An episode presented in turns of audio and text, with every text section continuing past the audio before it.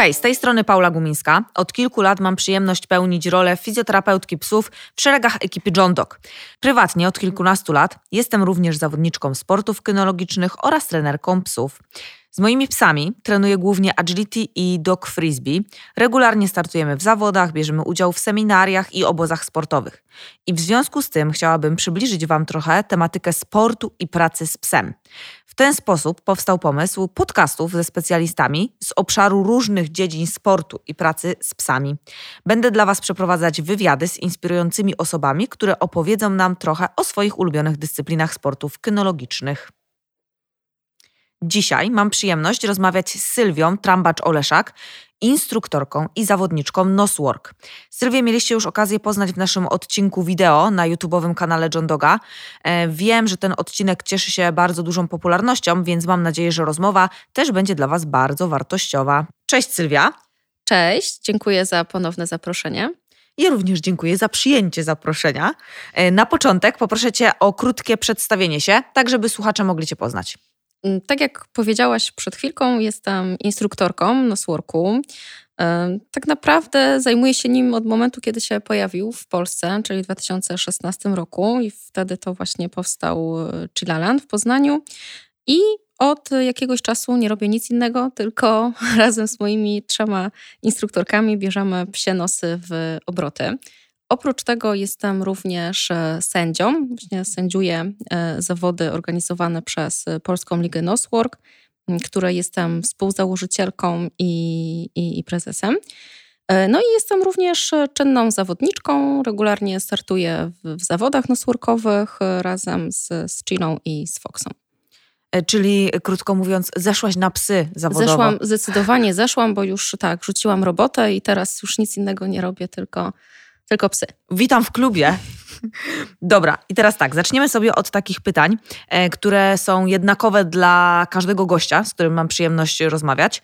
E, jestem bardzo ciekawa, e, jak te Twoje odpowiedzi będą się różniły od innych, a że nie słyszałaś innych, to dla Ciebie też będzie to na pewno później przy odsłuchaniu jakaś inspiracja. Pierwszy, pierwsze pytanie. Jakbyś miała w maksymalnie pięciu zdaniach opisać, na czym polega dyscyplina, którą trenujesz, jak byś to ujęła? Dobrze, że to jest napisane, że maksymalnie pięciu, to nie będę się rozwodzić. E, no więc tak. Po pierwsze, Noswork e, wywodzi się ze szkolenia psów w służbach mundurowych. Bazuje na najważniejszym zmyśle dla psów, czyli na węchu. E, I polega na tym, że pies ma za zadanie znaleźć i oznaczyć, czyli jakby zakomunikować swojemu przewodnikowi miejsce ukrycia próbki zapachowej bądź próbek e, zapachowych, bo w wyższych klasach tych próbek jest więcej. Mm, no i jakby tutaj cała zabawa i cała trudność polega na tym, że oczywiście przewodnik nie wie, gdzie ta próbka czy te próbki się e, znajdują. W wyższych klasach nawet nie wie, ile tych próbek jest. E, także tutaj łatwo się domyślić, że trzeba całkowicie tak naprawdę zaufać psu. E, bardzo się liczy e, dobra relacja z psem, a nade wszystko komunikacja na linii pies-przewodnik. No i to, co w nosworku ma znaczenie, no to oczywiście czas, bo wygrywają najszybsze psy. Dokładność, tutaj trzeba precyzyjnie wskazać miejsce ukrycia tej próbki. Mm, bezbłędność tak naprawdę, to znaczy bez jakichś tam fałszywych alarmów, czyli wskazań nie tego miejsca, nie tego sprzętu, gdzie, gdzie, gdzie ma próbki. Mm, no i też e, znalezienie wszystkich e, próbek, które są na, na danym ringu. Tak sobie myślę, że to e, dla niektórych ludzi musi być trudne, bo troszeczkę mogą mieć takie poczucie braku kontroli nad sytuacją. A i to właśnie jest najtrudniejsze w, w tej dyscyplinie. Okej, okay. czyli będziesz o tym mówiła przy moim y, pytaniu. Tak. Dobrze. To teraz drugie pytanie. Jakbyś miała zachęcić innych do trenowania tej dyscypliny, powiedz nam, dlaczego warto trenować z psem noswork i co sobie najbardziej cenisz w tej dyscyplinie? Z korzyści z, ogólnie z pracy węchowej e, w tym nosworku jest całe mnóstwo. I to myślę, że po pierwsze bardzo ważny argument jest taki, że po prostu węszenie jest dla psów przyjemne. E, psy lubią eksplorować, e, lubią właśnie e, węszyć, w ten sposób poznają wiedzę o otaczającym świecie. wydzielają się duże ilości dopaminy wtedy i po prostu psy są w stanie takiej przyjemności. Oprócz tego też pozwala je to wyciszyć i taka porcja, znaczy taka sesja treningowa jest taką właśnie dużą porcją stymulacji intelektualnej. To też jest ważne, żebyśmy mieli zrównoważonego, jakby zaspokojonego psa, to to, że właśnie ma tą, dzięki temu ma tą pracę umysłową. No i to też na przykład ma znaczenie chociażby w przypadku psów e, starszych. Można na przykład opóźnić procesy starzenia się mózgu. Mówię tutaj o psich e, seniorach, dla których ta stymulacja intelektualna myślę, że ma tutaj też duże znaczenie. Oprócz tego też e, Noswork pozwala właśnie podnieść pewność siebie, uczy psy samodzielności, niezależności, uczy właśnie takiego samodzielnego rozwiązywania problemów, myślenia samodzielnego. Mm, oprócz tego bardzo tutaj pogłębia właśnie tą relację z przewodnikiem. E, przewodnik musi się uczyć e, czytać swojego psa, czyli tego, co pies nam komunikuje. My też musimy być e, spójni w tych sygnałach, które wysyłamy naszemu psu, czyli ogólnie poprawia się nasza komunikacja z psem. E, no i to też na pewno jest, na pewno jest bardzo ważna e, korzyść, która ma przełożenie gdzieś tam na życie codzienne, na przykład, nie wiem, na, spacer, na, na spacerze mm, z naszym psem. E, a co ja najbardziej cenię w Nosworku, to chyba tą jego uniwersalność, to znaczy to, że jest jakby aktywnością dla każdego, każdego psa, I dla każdego przewodnika też tak naprawdę, bo tutaj, e, zwłaszcza w tych gdzieś tam na, na, początku tej drogi, no nie trzeba mieć jakiejś super predyspozycji, czy to sportowych. Mogą też e, na przykład trenować z powodzeniem noswork, nie wiem, osoby z niepełnosprawnościami, e, czy też dzieci, bo na szczęście właśnie e, coraz więcej gdzieś tam dzieci e, się przewija na, na naszych testach zapachowych czy na zawodach. Nawet mój sześcioletni syn zdał sobie testy zapachowe z naszymi dziewczynami, także można również w to wciągnąć dzieci. Czyli można angażować nie tylko psa, ale innych tak, członków rodziny tak, również. Tak. Dobrze. Trzecie pytanie. Co jest najtrudniejsze w tej dyscyplinie, którą się zajmujesz? No to myślę, że tak jak już wspominałam, właśnie to oddanie psu kontroli. E, bardzo dużo osób ma z tym problem. E, I jak też e, rozmawiam z, z osobami, które trenują inne dyscypliny sportu, mam tu na myśli przede wszystkim obedience, gdzie jednak myślę ta kontrola jest e, największa, e, ale nie tylko, e, bo to też na przykład może być agility, mm, to wszyscy mi mówią, że właśnie to jest dla nich takie trudne, że tutaj tą kontrolę bardzo mocno przejmuje pies i rola przewodnika jest gdzieś tam taka drugoplanowa i to chyba jest właśnie coś, co, co gdzieś tam, to myślę, że większość z nas ma z tym, ma z tym problem. I tutaj musimy no, w 100% tak naprawdę zaufać psu, no bo to on ma nos, dobry i to mhm. on może wyczuć, e, gdzie te próbki się znajdują. Mm, I więc jakby my za bardzo nie możemy mu, nie wiem, jakby nie chciał pracować też, no to, znaczy możemy go motywować oczywiście, ale jakby za niego tego nie zrobimy, nie? O ile, nie wiem, na agility nauczymy się toru, poprowadzimy go jakoś tam przez ten tor, tak tutaj ten pies po prostu startuje sam tak naprawdę.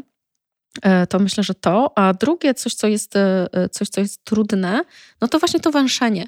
E, dlaczego? Dlatego, że no, wtedy jakby też na komendę, tak, psa wpychamy w ten świat zapachów, czy jakby no, każemy mu węszyć.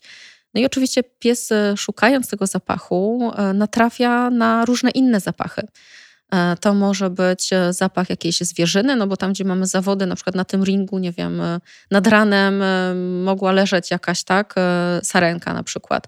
Mm, to mogą, to może być mocz innego psa gdzieś tam w tym miejscu, czy, czy jakieś jedzenie na przykład, które upadło, tak. No i tutaj jest ta trudność, że pies, który, który węszy, no jakby musi nauczyć się też ignorować te, te, te, te zapachy, i jakby skupić się stricte na tym, czego ma szukać, czyli tak jak w naszym przypadku no jest to cynamon, pomarańcza i, i goździk. E, no i tutaj już też to się troszkę z tą kontrolą wiąże, bo tak jak pamiętasz, ja z Chilą przecież trenowałam agility wiele lat pod twoim okiem. Mhm. Tak, pamiętam. tak, tak, tak. To były dosyć trudne początki. Ale z dużą dozą satysfakcji tak, w trakcie tego procesu. Tak, zdecydowanie. Mam nadzieję, że twojej też, ale Oczywiście. mojej, mojej na, pewno, na pewno tak. E, I były takie nasze e, przebiegi, w których Chila potrafiła biec e, po torze i węszyć, prawda? No ale jednak, jednak biegła, no bo była też jakby tutaj, no widzi te przeszkody, nie są mhm, komendy, -hmm. jest prowadzona przeze mnie. No a tutaj ten pies tylko węszy, więc jakby my też nie do końca wiemy, co on węszy, nie? Czasem się komuś wydaje, że on jest w trybie pracy, a on właśnie sobie teraz analizuje jakiś tam zwodniczy zapach, także to, to myślę, że to też jest taka dosyć duża tutaj trudność. Dobra, czwarte pytanie. Czy ten rodzaj aktywności e, jest odpowiedni dla wszystkich psów, czy są może jakieś przeciwwskazania? Tak, tutaj e, absolutnie każdy pies może niuchać e, i nie ma jakichś przeciwwskazań. To znaczy, jeżeli takie przeciwwskazania by były, no to tak, jeżeli pies w ogóle nie mógłby się poruszać, tak? Czyli na przykład, jeżeli mamy psa po jakiejś, nie wiem, poważnej kontuzji i w ogóle nie jest zalecany ruch, nawet taki, no, gdzieś tam spokojny, no to wtedy wiadomo, że nie. Natomiast nawet jeżeli pies jest w jakimś tam procesie rekonwalescencji, tak, ma jakąś, nie wiem, rehabilitację, leczenie i tak dalej, po jakichś właśnie e, urazach, e, to jeżeli na przykład, nie wiem, nie może wskakiwać, no to jesteśmy w stanie tak dobrać sesję treningową, czy tak jakby zaaranżować ten ring, że on nie będzie musiał na nie skakiwać, tak? Jeżeli nie może e, na przykład, nie wiem, podnosić głowy, no to nie damy mu wysokich próbek i jakby też się nic nie, nie stanie, tak? Więc pod tym względem tak, chociaż oczywiście na pewno tutaj wiele jakichś problemów zdrowotnych czy kontuzji mogłoby wykluczyć tego psa ze startu w zawodach, biorąc pod uwagę komfort. Mm, ale tak jak mówię, jeżeli chodzi o treningi, no to, to, to spokojnie jest się w stanie dopasować je e, i, i absolutnie do każdego psa, więc tutaj nie ma jakichś przeciwwskazań. Jeżeli pies ma nos, to może trenować noswork a raczej e, chyba większość ma.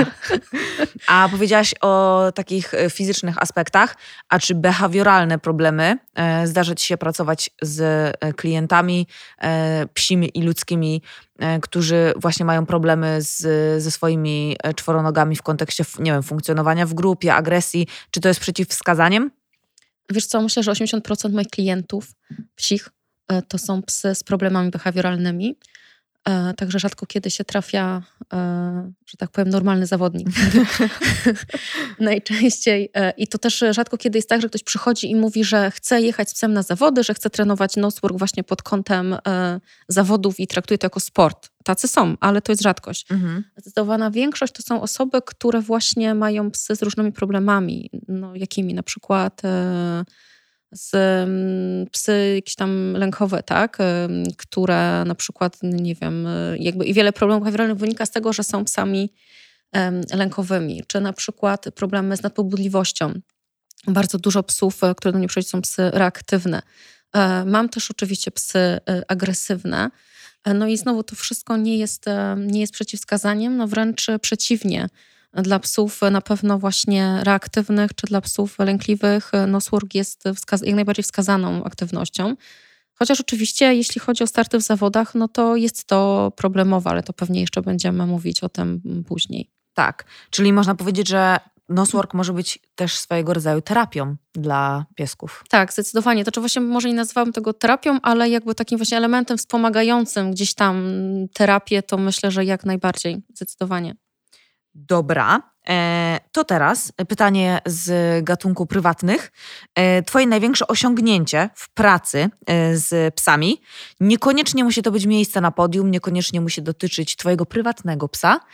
Czy chciałabyś się takimi sukcesami podzielić? Jeśli chodzi o moje prywatne, to może nawet nie tyle się cieszę z jakichś tam, mm, nie wiem, medali, pucharów czy tytułów, ale chyba, e, chyba najwięcej radości zawsze mi sprawiały takie drobne sukcesy, o których chyba tylko ja wiedziałam, że są sukcesami. Mhm. Jakby ktoś z boku na to patrzył, to by pomyślał sobie, że no przecież tam, no nie wiem, mam tu na myśli na przykład mojego psa, tego lękowego, czyli Foxa, e, dla której nie, naprawdę starty w zawodach są ogromnym wyzwaniem i zwłaszcza jeżeli przeszukujemy pomieszczenia, wiele pomieszczeń jest dla niej przerażających.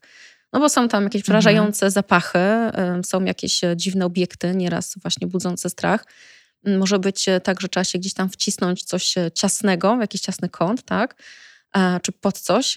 I jakby wszystko to sprawia, że ona, no ona się boi i ona walczy ze sobą. Ona musi najpierw się poczuć pewnie, musi zrzucić z siebie emocje w danym pomieszczeniu, dopiero wtedy może niuchać. E, I ja zawsze bardzo się cieszę, jeżeli ona właśnie jest w stanie to zrobić i ona zmieści się w czasie i znajdzie te próbki, mimo tego, że wiem, że na przykład było jej w tym miejscu akurat bardzo, bardzo trudno. E, albo ona też ma, ma bardzo dużą nadwrażliwość na dźwięki, no więc oczywiście boi się burzy. Zdarzyło mi się też startować tuż po burzy i byłam pewna, że ona nic nie zrobi, no a jednak e, zrobiła, więc jakby to są takie, jeżeli o moje prywatne, to na pewno największe gdzieś tam sukcesy, coś co mi daje największą taką satysfakcję i radość. A jeśli chodzi o, o właśnie moich uczniów, to ja i tak zawsze dużo bardziej się cieszę z ich sukcesów niż ze swoich własnych i to jest naprawdę dla trenera coś super, jak jego zawodnik staje na tym podium. E, ale nie tylko, bo wystarczy, że on, czasem do niektórych to wystarczy, w ogóle pojechali na te zawody. I dla mnie to już jest ogromny sukces, mhm. że udało mi się na przykład człowieka przekonać do startu, bo nieraz jest tak, że pies jest gotowy od dawna, e, a przewodnik się boi albo boi się wystartować w wyższej klasie. Też wiem, że pies sobie świetnie poradzi, ale człowiek ma jakieś tam mhm. zahamowania. E, więc jeżeli się przekona, to dla mnie to też jest e, już sukces, niezależnie od wyniku, jaki on tam osiągnie. Dobra, to teraz przechodzimy do części indywidualnej, e, czyli zadam Tobie kilka pytań przygotowanych specjalnie dla Ciebie. I na początek chciałabym Cię zapytać o taką kwestię, mm, znowu troszeczkę mm, może kontrowersyjną. Bardzo często pojawiają się takie zarzuty. Ja na przykład podczas pracy nad motywacją i podstawami też używam elementu węchu, bo uważam, że ogólnie to, żeby pozwolić psu węszyć, jest bardzo mm, e, po prostu przynosi mhm. wiele korzyści. I na przykład używam jedzenia rzucanego na ziemię z odpowiednim hasłem.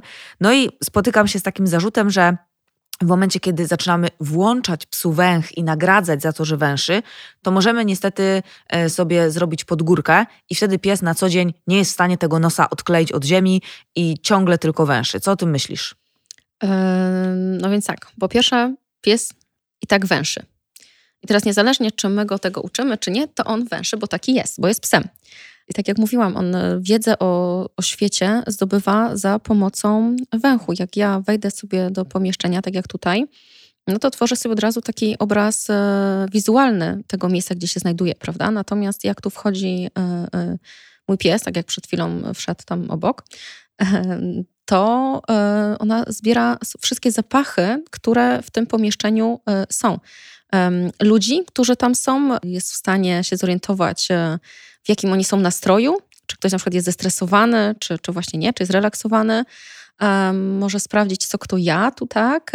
Czy ktoś jest chory na przykład, kto był w tym pomieszczeniu wczoraj, czy przedwczoraj. Jakby te wszystkie informacje zbiera. Jest to coś zupełnie naturalnego, więc jakby pies i tak węszy. Jeżeli jakiś pies węszy z jakichś powodów mniej, a takie się zdarzają, e, no to właśnie źle. I tym bardziej powinniśmy e, mu ten e, nos uruchomić. Tym bardziej powinniśmy tego psa zachęcić do węszenia, bo pies ma węszyć. To jest bardzo istotne w kontekście komunikacji z innymi psami też, mhm. prawda? Psy, jak komunikują się ze sobą, bardzo mocno tutaj używają tego węchu. Spacer z psem powinien się właśnie polegać na tym, że pies węszy. Od tego jest spacer, żeby pies węszył i dużo lepiej jest wyjść sobie na 15 minut wokół bloku i pozwolić temu psu sobie spokojnie e, powęszyć, odczytać wszystkie komunikaty, przez co ten pies się też rozwija bardzo mocno społecznie, niż e, przyczepić go gdzieś tam i, i pobiec z nim, nie wiem, godzinę tak, po lesie, nie dając mu w ogóle czasu. Nie mówię, że to jest złe, mhm. żeby nie było, mhm. E, tylko chodzi mi o, o, o, taką równowagę i żeby ten pies też miał takie właśnie spacery, gdzie on ma po prostu sobie iść i eksplorować, e, węszyć. No to jest e, ciekawy punkt widzenia z tego względu, że w sumie jeśli zabieramy psu możliwość węszenia, to tak naprawdę zabieramy mu jedną z głównych informacji o świecie. Tak. To musi być smutne. I zabieramy, tak, dlatego jak ja to słyszę, to aż po prostu coś się we mnie tam naprawdę zbiera. E, no zabieramy, odbieramy możliwość bycia psem tak naprawdę. Ja też jak widzę, jak ktoś e, tam tego psa na krótkiej smyczy trzyma i co chwilę go ściąga, już nie daj Boże szarpie, jak on tylko gdzieś się tam zatrzymuje i coś próbuje węszyć, to naprawdę jest to no, coś bardzo niewskazanego. E, I a tak jak mówiłaś, ja też się spotykałam z tym, jak, no bo też oczywiście stosujemy różne formy nagradzania i, i jakby właśnie, żeby to jedzenie było bardzo znaczy podawane w atrakcyjnej formie, to, to używamy do tego różnych zabawek albo właśnie wyrzucenia jedzenia w trawę. To też tam słyszałam, że no ale to potem pies będzie wyjadał jedzenie na spacerze, tak? No po pierwsze, być może i tak ten pies wyjada to jedzenie mhm. na spacerze, więc jakby to się tego nie popsuje. Po drugie, tu to robi właśnie, tak jak powiedziałaś, na komendę. To jest coś przez nas kontrolowalne, nie? A, nie, a, nie, a nie, że właśnie po prostu idzie i wyjada. I kilka osób mi powiedziało, że zapisało się na noswork tylko po to właśnie, bo ich pies wyjadał śmieci na spacerze mhm. i trenowanie bardzo im pomogło zlikwidować ten problem behawioralny, który mieli. Także wręcz paradoksalnie to nie jest tak, że jeszcze bardziej pies będzie wyszukiwał w krzakach chlebek czy coś innego, e, tylko no, tak jak mam namacalne przykłady, no bo czemu to co miałby kłamać, e, mówią o tym, że właśnie ich psy przestały e, to robić. Czyli same plusy, tylko musimy dbać o tą komunikację. Dobra, teraz bardziej prywatnie. Masz okazję e, pracować e, w Nosworku z dwoma skrajnymi tak naprawdę rasami psów, ponieważ swoją przygodę zaczynałaś z posokowcem bawarskim. To pewnie wszyscy kojarzą e, słodkie rude pieski z długimi u, aksamitnymi uszkami. E, a teraz kontynuujesz swoją przygodę w tym sporcie z owczarkiem szkockim, czyli pies typowo myśliwski i owczarek, który ma zupełnie inne e, cechy temperamentu. Czy mogłabyś powiedzieć nam kilka słów o różnicy właśnie w pracy z tymi psami? Czy taka przynależność do danej grupy, tam FCI, grupy konkretnych ras, mhm. wpływa na pracę, na styl pracy, na sposób, na nagradzanie? Mhm, zdecydowanie tak. I no tak jak każdy pies jest inny, y, każdy ma inną osobowość i przez, y, jakby to też manifestuje się właśnie w tej pracy, że każdy pies ma swój jakiś tam własny styl pracy, tak jak my też jesteśmy E, różnie jeden będzie flegmatyczny bardziej w pracy, drugi będzie bardziej gdzieś tam e, e, chaotyczny, prawda, w jakichś zadaniach, które robi. Tak samo jest też i u psów. Ja się bardzo cieszę z takiego połączenia, które mam w domu. Rzeczywiście są one skrajnie różne, znaczy są jak ogień i woda, mhm. niebo i ziemia, tak, i tam jeszcze inne jakieś tu można by znaleźć przeciwieństwa.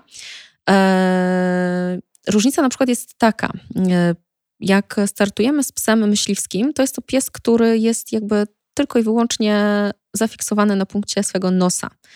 E, czyli jak jest chilka, to jest nos i tak nie do końca coś jeszcze. E, to są psy, które są w stanie na przykład wpaść w jakieś przedmioty, bo ich po prostu nie widzą. Mhm. Nie słyszą też na przykład tego, że coś przelatuje, bo są tak bardzo mocno e, skupione na węszeniu i tak bardzo mocno pochłonięte właśnie tymi, e, tymi zapachami, które analizują. Jak e, jest na przykład, właśnie tak jedna z kategorii w nosworku są przedmioty, tak? I załóżmy, że jest ustawionych 20 przedmiotów na podłodze. Jak startuje z chillą, to chilla potrafi węszyć pomiędzy nimi, przy okazji sobie ścianę tam niuchnie, podłogę, tak? No bo jakby zapach dla niej nie ma formy, zapach po prostu jest. Jak ustawiam na starcie się z Foxą, czyli z owczarkiem, no to ona już e, tutaj też wykorzystuje bardzo mocno swój wzrok, który też ma jakby wiadomo, że jest predysponowana do, do tej pracy wzrokiem. E, I ona sobie namierza te przedmioty, już sobie tam ma jakąś strategię. I wtedy podchodzi do nich i je sprawdza. Także to jest też taka różnica, że właśnie jak mamy typowego węchowca, e, no to, to, to jest to pies, który, który właśnie nie posługuje się tym wzrokiem. Też te pieski wtedy mam wrażenie, że robią te rzeczy tak, znaczy jakby przeszukują, e, nie, nie wchodzą w schematy. Mm-hmm, nie? Bo mhm. jak wiesz, owczarki są bardzo często takie właśnie schematyczne. Tak, tak. One też zapamiętują na przykład, nie wiem, kolor pudełka, w którym był zapach, tak? czy jakiś konkretny przedmiot, w którym ten zapach wcześniej był.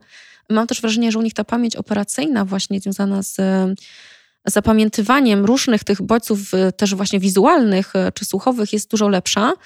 A psa myśliwskiego to po prostu nie obchodzi. On ma za zadanie znaleźć zapach i tyle, nie? Więc jakby tutaj jest, tutaj jest ogromna różnica, jeśli chodzi o te, o te grupy e, e, psów.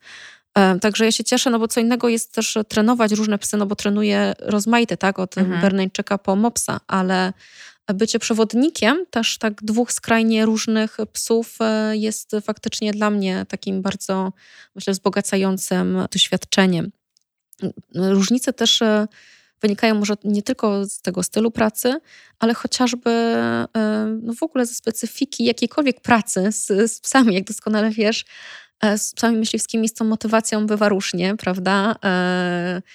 Jeżeli jest, to jest pokarmowa i tak. to mnie zawsze ratowało, że chilka jest strasznie łakoma, jedzenie jest sensem jej życia. No a w Foxie wystarczy, że ja mogę zaproponować zabawkę, ja mogę się uśmiechnąć, mogę ją pochwalić, mhm. tak? Mogę ją nagrodzić swoim ciałem, jakieś tam, nie wiem, po prostu po, po, po, pomiziać się z nią. Jakby no, jest zupełnie inna motywacja do pracy z człowiekiem, tak? zupełnie nastawienie na człowieka owczarka niż u, u psa myśliwskiego, także to też, e, no, to też jest e, na pewno duża różnica. I teraz tak, powiedziałaś, że jedynym przeciwwskazaniem do nosworku byłoby to, jeśli pies nie może się w ogóle poruszać i nie ma nosa. Mm-hmm. Takich tak, psów tak, jest mało. Tak, można tak podsumować. Tak, a czy w jaki sposób możemy y, odkryć talent naszego psa do nosworku? Na przykład możemy myśleć, że ma jakieś wybitne predyspozycje? No właśnie też myślę, że nie do końca, bo tutaj myślę, że dużo osób myślało, że właśnie dużo węszy, nie? Mhm. Albo lubi mhm. węszyć, czy jak mu schowam kiełbaskę w mieszkaniu, to od razu ją znajduje. No fajnie, ale właśnie potem jak się pojedzie na zawody, to być może ten pies właśnie będzie szukał tej kiełbaski, a nie do końca tego, co my chcemy, czyli cynamonu. I znowu tutaj wracamy do tego, że to węszenie, czy że pies dużo węszy, e, mogłoby gdzieś tam być przeszkodą. Natomiast możemy mieć psa, który węszy mniej, ale właśnie jest bardzo nastawiony na współpracę z człowiekiem, mhm. jest bardzo zmotywowany e, i bardzo jakby właśnie potrafi się skupić na zadaniu, jest zaangażowany w to zadanie. E, no to on może być przyszłym mistrzem nosworku, a wcale nie właśnie ten gdzieś tam e, wyżeł, który po prostu niucha wszystko i wszędzie i nie zawsze to, co my chcemy. Mhm. Więc trudno odkryć, chociaż to często widać nawet na pierwszym treningu, jak ktoś przychodzi, to, to, to widać, że na przykład no to będzie petarda, E, albo widać, że tu trzeba będzie troszkę więcej pracy tak. włożyć. Ładnie mówiąc, po, będzie po, potrzebować oszlifowania ten tak. Tak, tak. Dobrze. E, no i płynnie sobie przejdziemy do tematu właśnie to, co powiedziałaś, tych zawodów i rywalizacji. Mhm bo e, bardzo często takie psy, które potocznie są nazywane psami problemowymi, e, mogą, e, one jakby mogą trenować noswork na tak naprawdę bardzo wysokim poziomie. E, natomiast no, zawody to jest jednak bardzo duże e, przedsięwzięcie, bardzo takie obciążające doświadczenie dla psa.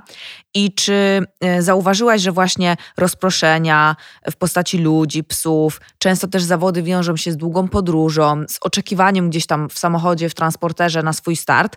Czy widzisz, że na przykład dla niektórych psów to może być za dużo? Czy zachęcasz swoich uczniów do startu, czy nie? I czy ty sama lubisz ze swoimi psami startować i yy, rywalizować? Okej, okay. to po kolei może yy, z tymi wyzwaniami to tak, tak jak to nawet wspominałaś na początku naszej rozmowy, że te zawody to jest ogromne wyzwanie dla mhm. psów. Właśnie to, że jest tyle tych rozproszeń, jest bardzo dużym problemem. I faktycznie trzeba psa dobrze przygotować. Nawet jeżeli pies sobie świetnie radzi gdzieś tam w salce na treningach, to nie do końca on sobie poradzi na zawodach. I tutaj ważne jest to, że my oczywiście trenując, właśnie um, trenujemy w grupie, i pies ma możliwość wtedy pracowania, mimo że gdzieś tam obok jest inny pies. Uczymy też właśnie te, e, tego drugiego psa, że trzeba czekać spokojnie na swoją kolej, nie spalać się w trakcie tego czekania. Także trenujemy w różnych miejscach, e, spotykamy się w terenie, w rozmaitych miejscach właśnie po to, żeby pies poznawał te nowe miejsca, uczył się pracy po prostu w, w nowym środowisku, nie takim swoim znanym, bezpiecznym. I jedne psy nie mają z tym problemu, no a u innych to rzeczywiście jest właśnie proces. E, ja bardzo lubię starty w zawodach, uwielbiam i bardzo mocno zachęcam do nich e, swoich uczniów, to oni wiedzą o tym, że niektórzy to nawet na siłę są, są wyciągani, ale z wielu powodów. E, po pierwsze, tak jak mówiłaś, że to jest no to jest taka wisienka na torcie, prawda? I jakby, jeżeli my tam właśnie na przykład, nie wiem, zdobędziemy jakiś sukces, staniemy na podium, dajmy na to, no to jest to coś dla nas, myślę, że po prostu no, przyjemnego i źródło naszej jakiejś tam dużej satysfakcji. E, jest to uwieńczenie naszej ciężkiej pracy, którą włożyliśmy w to. Po drugie, też zawody e, właśnie pokazują, że ten tort czasem gdzieś tam jest niedopieczony, nie? bo właśnie mhm. może się okazać, że mamy jakieś braki i jak z doświadczenia wiem, te braki bardzo się uwidaczniają właśnie na zawodach, a niekoniecznie na treningach. E, więc e, jakby zawody są źródłem takiego, cen, e, takiego cennego doświadczenia dla nas i o ile nie traktujemy jakichś niepowodzeń w formie porażek, właśnie bardzo lubię słowo porażka, mhm. tylko właśnie jakieś może no, mniej, niepowodzenie no, i potrafimy wyciągnąć z tego wnioski i jakby wtedy wiemy nad czym dalej pracować i to jest uważam bardzo ważny cel zawodów. Oprócz tego, no, jakby zawody, starty w tych zawodach to jest tylko jeden jakiś tam aspekt. Zawody trwają ileś godzin i my w trakcie tych zawodów mamy możliwość na przykład po prostu pobyć z naszym psem. Możemy sobie iść na spacer, Zawody często odbywają się w jakichś ciekawych miejscach, więc możemy iść do lasu, nad rzekę, tak. Zawody też okazja, do, no bo wspominałeś, trzeba podróżować z psem no to też okazja do tych podróży. Bardzo często można sobie to połączyć z jakimś wypadem weekendowym do jakiegoś miasta, do którego być może byśmy nie pojechali. Mhm. E, jest to możliwość, żeby się gdzieś tam poszwendać właśnie w nowych miejscach e, z naszym psem. Um, oprócz tego też, e, no jak już pies na przykład jest zmęczony, no to i sobie odpoczywać tam w klateczce czy w aucie, a my możliwość po prostu też się spotkać ze znajomymi, z przyjaciółmi z, z gdzieś tam z całej Polski i jakby porozmawiać czy wymienić doświadczenia, co też uważam, że jest ważne. Także E, ja też sama lubię startować, bardzo, bardzo lubię emocje, które towarzyszą podczas startów. Wiadomo, że zawsze jest jakiś tam stres, mhm. E, ale, ale to daje taką naprawdę dla mnie dużą dawkę takiej energii. Ja po prostu właśnie takie jakieś wyzwania, bardzo dużo pozytywnych emocji po prostu. Kiedyś też się spotkałam z takim zarzutem, że zawody są dla człowieka, nie dla psa. I to myślę, że e, to mówią osoby, które albo nigdy nie były na zawodach, albo może źle trafiły, w sensie, nie wiem, widziały jakieś osoby, które, nie wiem, są sfrustrowane, bo im nie mhm, poszły starty i tą mhm. frustrację przelewają na psa. Pies to czuje, nie? Jak są, tak. nie wiem, jest potem wepchnięty gdzieś tam do, do klatki i, i tyle. Natomiast e, jeżeli my, e, tak jak mówię, nawet jeżeli nam się nie powiedzie, no to jakby okej, okay, mhm. układamy sobie plan, nad czym mamy pracować, a nie, a nie nie załamujemy się, czy nie daj Boże, właśnie nie, nie frustrujemy, nie przelewamy tylko na psa. Jeżeli my się cieszymy z naszego, z tego medalu, no to nasz pies też się cieszy, no bo nasze emocje przychodzą na naszego psa, więc jakby e, to ja się z tym zupełnie nie zgodzę, że to jest dla człowieka tylko.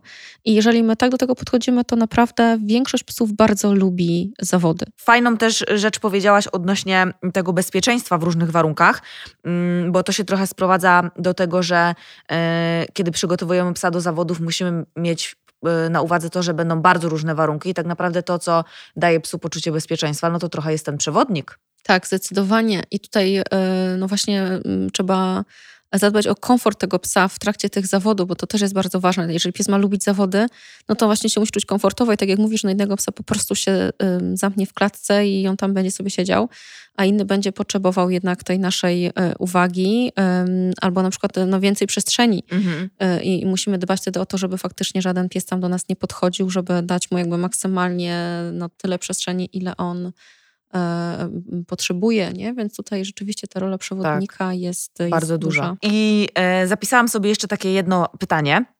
Bo noswork mm, często jest też y, reklamowany, polecany jako taki sport, który możemy trenować samodzielnie.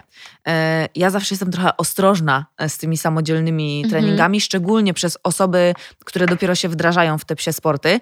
I czy mogłabyś y, troszeczkę na ten temat nam opowiedzieć? Czy myślisz, że potrzebujemy regularnych albo jakichś okazjonalnych treningów z trenerem nosworku, czy możemy z powodzeniem ćwiczyć sami?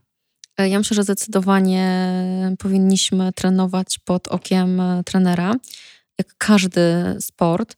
E, samodzielnie oczywiście też, ale to bardziej w formie takich zadań domowych. Jak nam trener powie, nad czym mamy popracować, w, nie wiem, czy do następnego spotkania, żeby przerobić, nie wiem, generalizację przedmiotów, na przykład z jakimś tam psem początkującym, to jak najbardziej tak. Natomiast tak, jeżeli mówimy o, ogólnie o trenowaniu, E, to myślę, że to jest bardzo ważne. Samemu się często nie wyłapuje wielu błędów, które się popełnia. Nawet no, sport też jest o tyle nietypowym sportem, że właśnie no, my e, nie możemy wiedzieć, gdzie ta próbka się znajduje. Mhm. W związku z tym trenerzy również muszą chodzić do kogoś na treningi, tak? Bo ja nie mogę sobie sama zrobić e, treningów moim psom. To znaczy, ja mogę im wprowadzić zapach, ja mogę je uczyć pewnych umiejętności technicznych, które tutaj wiele muszą zdobywać, na przykład Mm, no chociażby pracy z, na próbkach wielokrotnych, nakładających się stożkach zapachowych itd., tak itd. Tak e, niemniej jednak, żebym ja mogła nauczyć się czytać dobrze mojego psa i wiedzieć, kiedy on łapie zapach, e, kiedy na tym stożku zapachowym, bo tak się zapach rozchodzi w takiego stożka, kiedy on na tym stożku pracuje, kiedy on jest przy źródle, kiedy on na przykład natrafia na jakiś zwodniczy zapach, bo właśnie to też jest taki psikus, że na zawodach E, od klasy pierwszej są podkładane różne zapachy, które nasz pies, e, które mogą naszego psa zainteresować, ale on mhm. powinien je zignorować i nie może nam pokazać ich, no bo wtedy zgłosimy właśnie ten fałszywy alarm.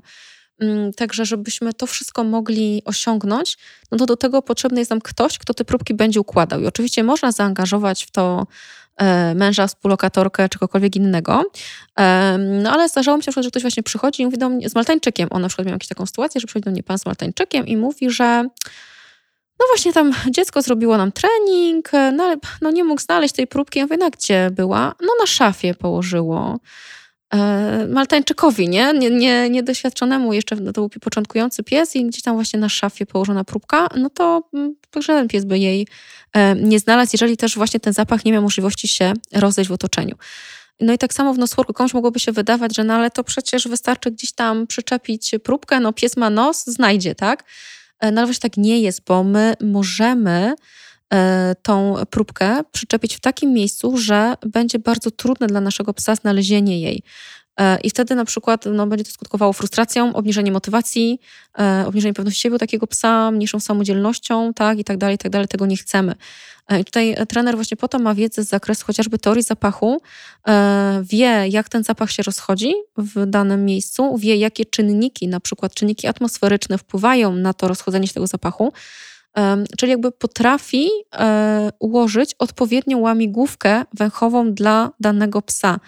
Ona nie ma być za trudna, ale też ma być rozwijająca, no bo ten pies też ma zdobywać, bo to nie, też nie chodzi o to, żebyśmy stale stali w miejscu, prawda? Tylko no, my musimy tą poprzeczkę e, podnosić, nie? Więc mhm. E, no raczej um, większość przewodników e, no, nie ma właśnie, nie ma takiej wiedzy, czy też takiego doświadczenia, bo to często jest tak, że teoria teorią, a my potem po pracy psów widzimy, weryfikuje. tak, i to weryfikuje tak. i wiemy, co dla większości psów jest trudne na przykład. Tak. No tutaj y, też jeszcze mi się nasunęła taka myśl, że mm, tak naprawdę mówi się o tym, że my chcemy spróbować tych początków na przykład sami i to w każdej dyscyplinie. Akurat tak jak e, ja trenuję głównie frisbee agility, to bardzo często gdzieś tam próbujemy sami. Tymczasem jeśli y, trenujemy dłużej i bardziej, y, że tak powiem, odpowiedzialnie, to każdy trener wie, że nie ma nic gorszego niż zepsute mm -hmm. początki. I samemu początki, tak. No, tak to bo to jest naprawdę tyle pracy dodatkowej tak. później. W, w przepracowanie tego to jest najgorsze. Tak, tak. tak naprawdę im bardziej doświadczony zawodnik, mhm. tym więcej może sam trenować może, Dokładnie, sam. dokładnie. I w nosorku słuchaj tak samo. Jak ktoś jest doświadczony, może przychodzić raz na e, dwa miesiące na trening po prostu, albo przed mhm, zawodami mhm. sobie jakieś starty i, i, i resztę robi w domu. E, bo też i pies jest doświadczony, już ma odpowiednie umiejętności i on również ma i wiedzę i doświadczenie, więc jakby potrafi e, tak. te próbki. Też zdarzało mi się, że ktoś tam sam sobie coś próbował, bo przeczytał na forum, czy, mm -hmm. czy przeczytał w książce, czy, czy gdzieś tam obejrzał coś. I znowu, no jeden to lepiej przyswoi i jakby tak. potrafi zastosować i też ma psa, który bardziej ogarnia albo wybacza bardziej nasze błędy a drugi nie. I naprawdę zdarzało mi się gdzieś tam jechać na seminarium, na przykład tak, do takiej miejscowości, gdzie nie było szkoły żadnej nosworkowej. Mhm. A na byli ludzie, którzy jak w ankiecie, którą wypełniali przed, to zaznaczali, że tam właśnie już trenują. A potem się okazało, że te psy nie potrafią najprostszej rzeczy, no bo właśnie oni sami gdzieś tam e, próbowali i to potem jakby właśnie przepracowywanie tych problemów to była droga przez tak, mękę. Tak. No ale to czasem może się trzeba na własnych błędach też tego nauczyć. Pewnie tak. E, dobrze. I na koniec naszej rozmowy chciałabym, żebyś sama sobie zadała jakieś pytanie. Czy chciałabyś na przykład o czymś e, powiedzieć na głos? E, zakładamy też, że właśnie mogą słuchać nas osoby, które chciałyby rozpocząć swoją przygodę. Nie są e, doświadczonymi zawodnikami, przewodnikami e, psów e, nosworkowych, więc czy coś powinniśmy jeszcze tutaj na koniec zawrzeć w naszym wywiadzie? Ja może bym sobie zadała takie pytanie, czy, bo dużo tutaj mówimy o psach, czy pies właśnie poradzi sobie sam na ringu, bo mówimy o tej kontroli, nie? że mhm, tutaj pies jest mhm. ekspertem, bo ma nos, że my nie wyczujemy przecież tej próbki, e, czy jakby gdzie tutaj ta rola przewodnika do czego się sprowadza, no bo w innych dyscyplinach sportowych od przewodnika zależy bardzo dużo, tak? Chociaż też mówisz, że jak rzucasz frisbee, no to e, pies no, musi potem już sam jakby sobie tak, poradzić, tak, wymierzyć ale wszystko i złapać. kiepskiego rzutu w ziemię e, pies i tak nie, nie złapie. No więc właśnie, e, tak samo w agility to już w ogóle jest myślę coś, co chyba najbardziej widać i w obi, tak. nie? I sama pamiętasz, jak wystarczyło, że jak gdzieś tam źle spojrzałam, czy stopę swoje skierowałam i już wtedy Chilka mhm. źle pokonywała daną przeszkodę. E, natomiast e, w Nosworku, no rzeczywiście ta rola przewodnika, zwłaszcza na, na początku, jest dużo mniejsza. I jeżeli robimy takie, takie pierwsze, łatwe przeszukania, czy nawet ktoś jedzie na zawody w tej zeróweczce, czyli tej najniższej klasie sobie startuje, to faktycznie on może na tej linii startu stać, sobie patrzeć i zgłosić alarm. Mhm. I tak do tego to się troszkę sprowadza. E, o tyle właśnie w tych wyższych klasach, gdzie poziom trudności jest już na tyle wysoki, że tak naprawdę pies bez naszego wsparcia, nawet samodzielny, niezależny myśliwski pies e, sobie po prostu nie poradzi. E, I wtedy tutaj jest duża rola przewodnika, żeby właśnie prowadzić psa po tym ringu, E, żeby wychwytywać różne zmiany w zachowaniu, które ten pies prezentuje, które mogą świadczyć o tym, że gdzieś tam złapał właśnie mhm. ten stożek zapachowy i naprowadzić go na przykład na ten obszar. E, musimy się też rozeznać, że na przykład w ogóle może nie być e, próbki.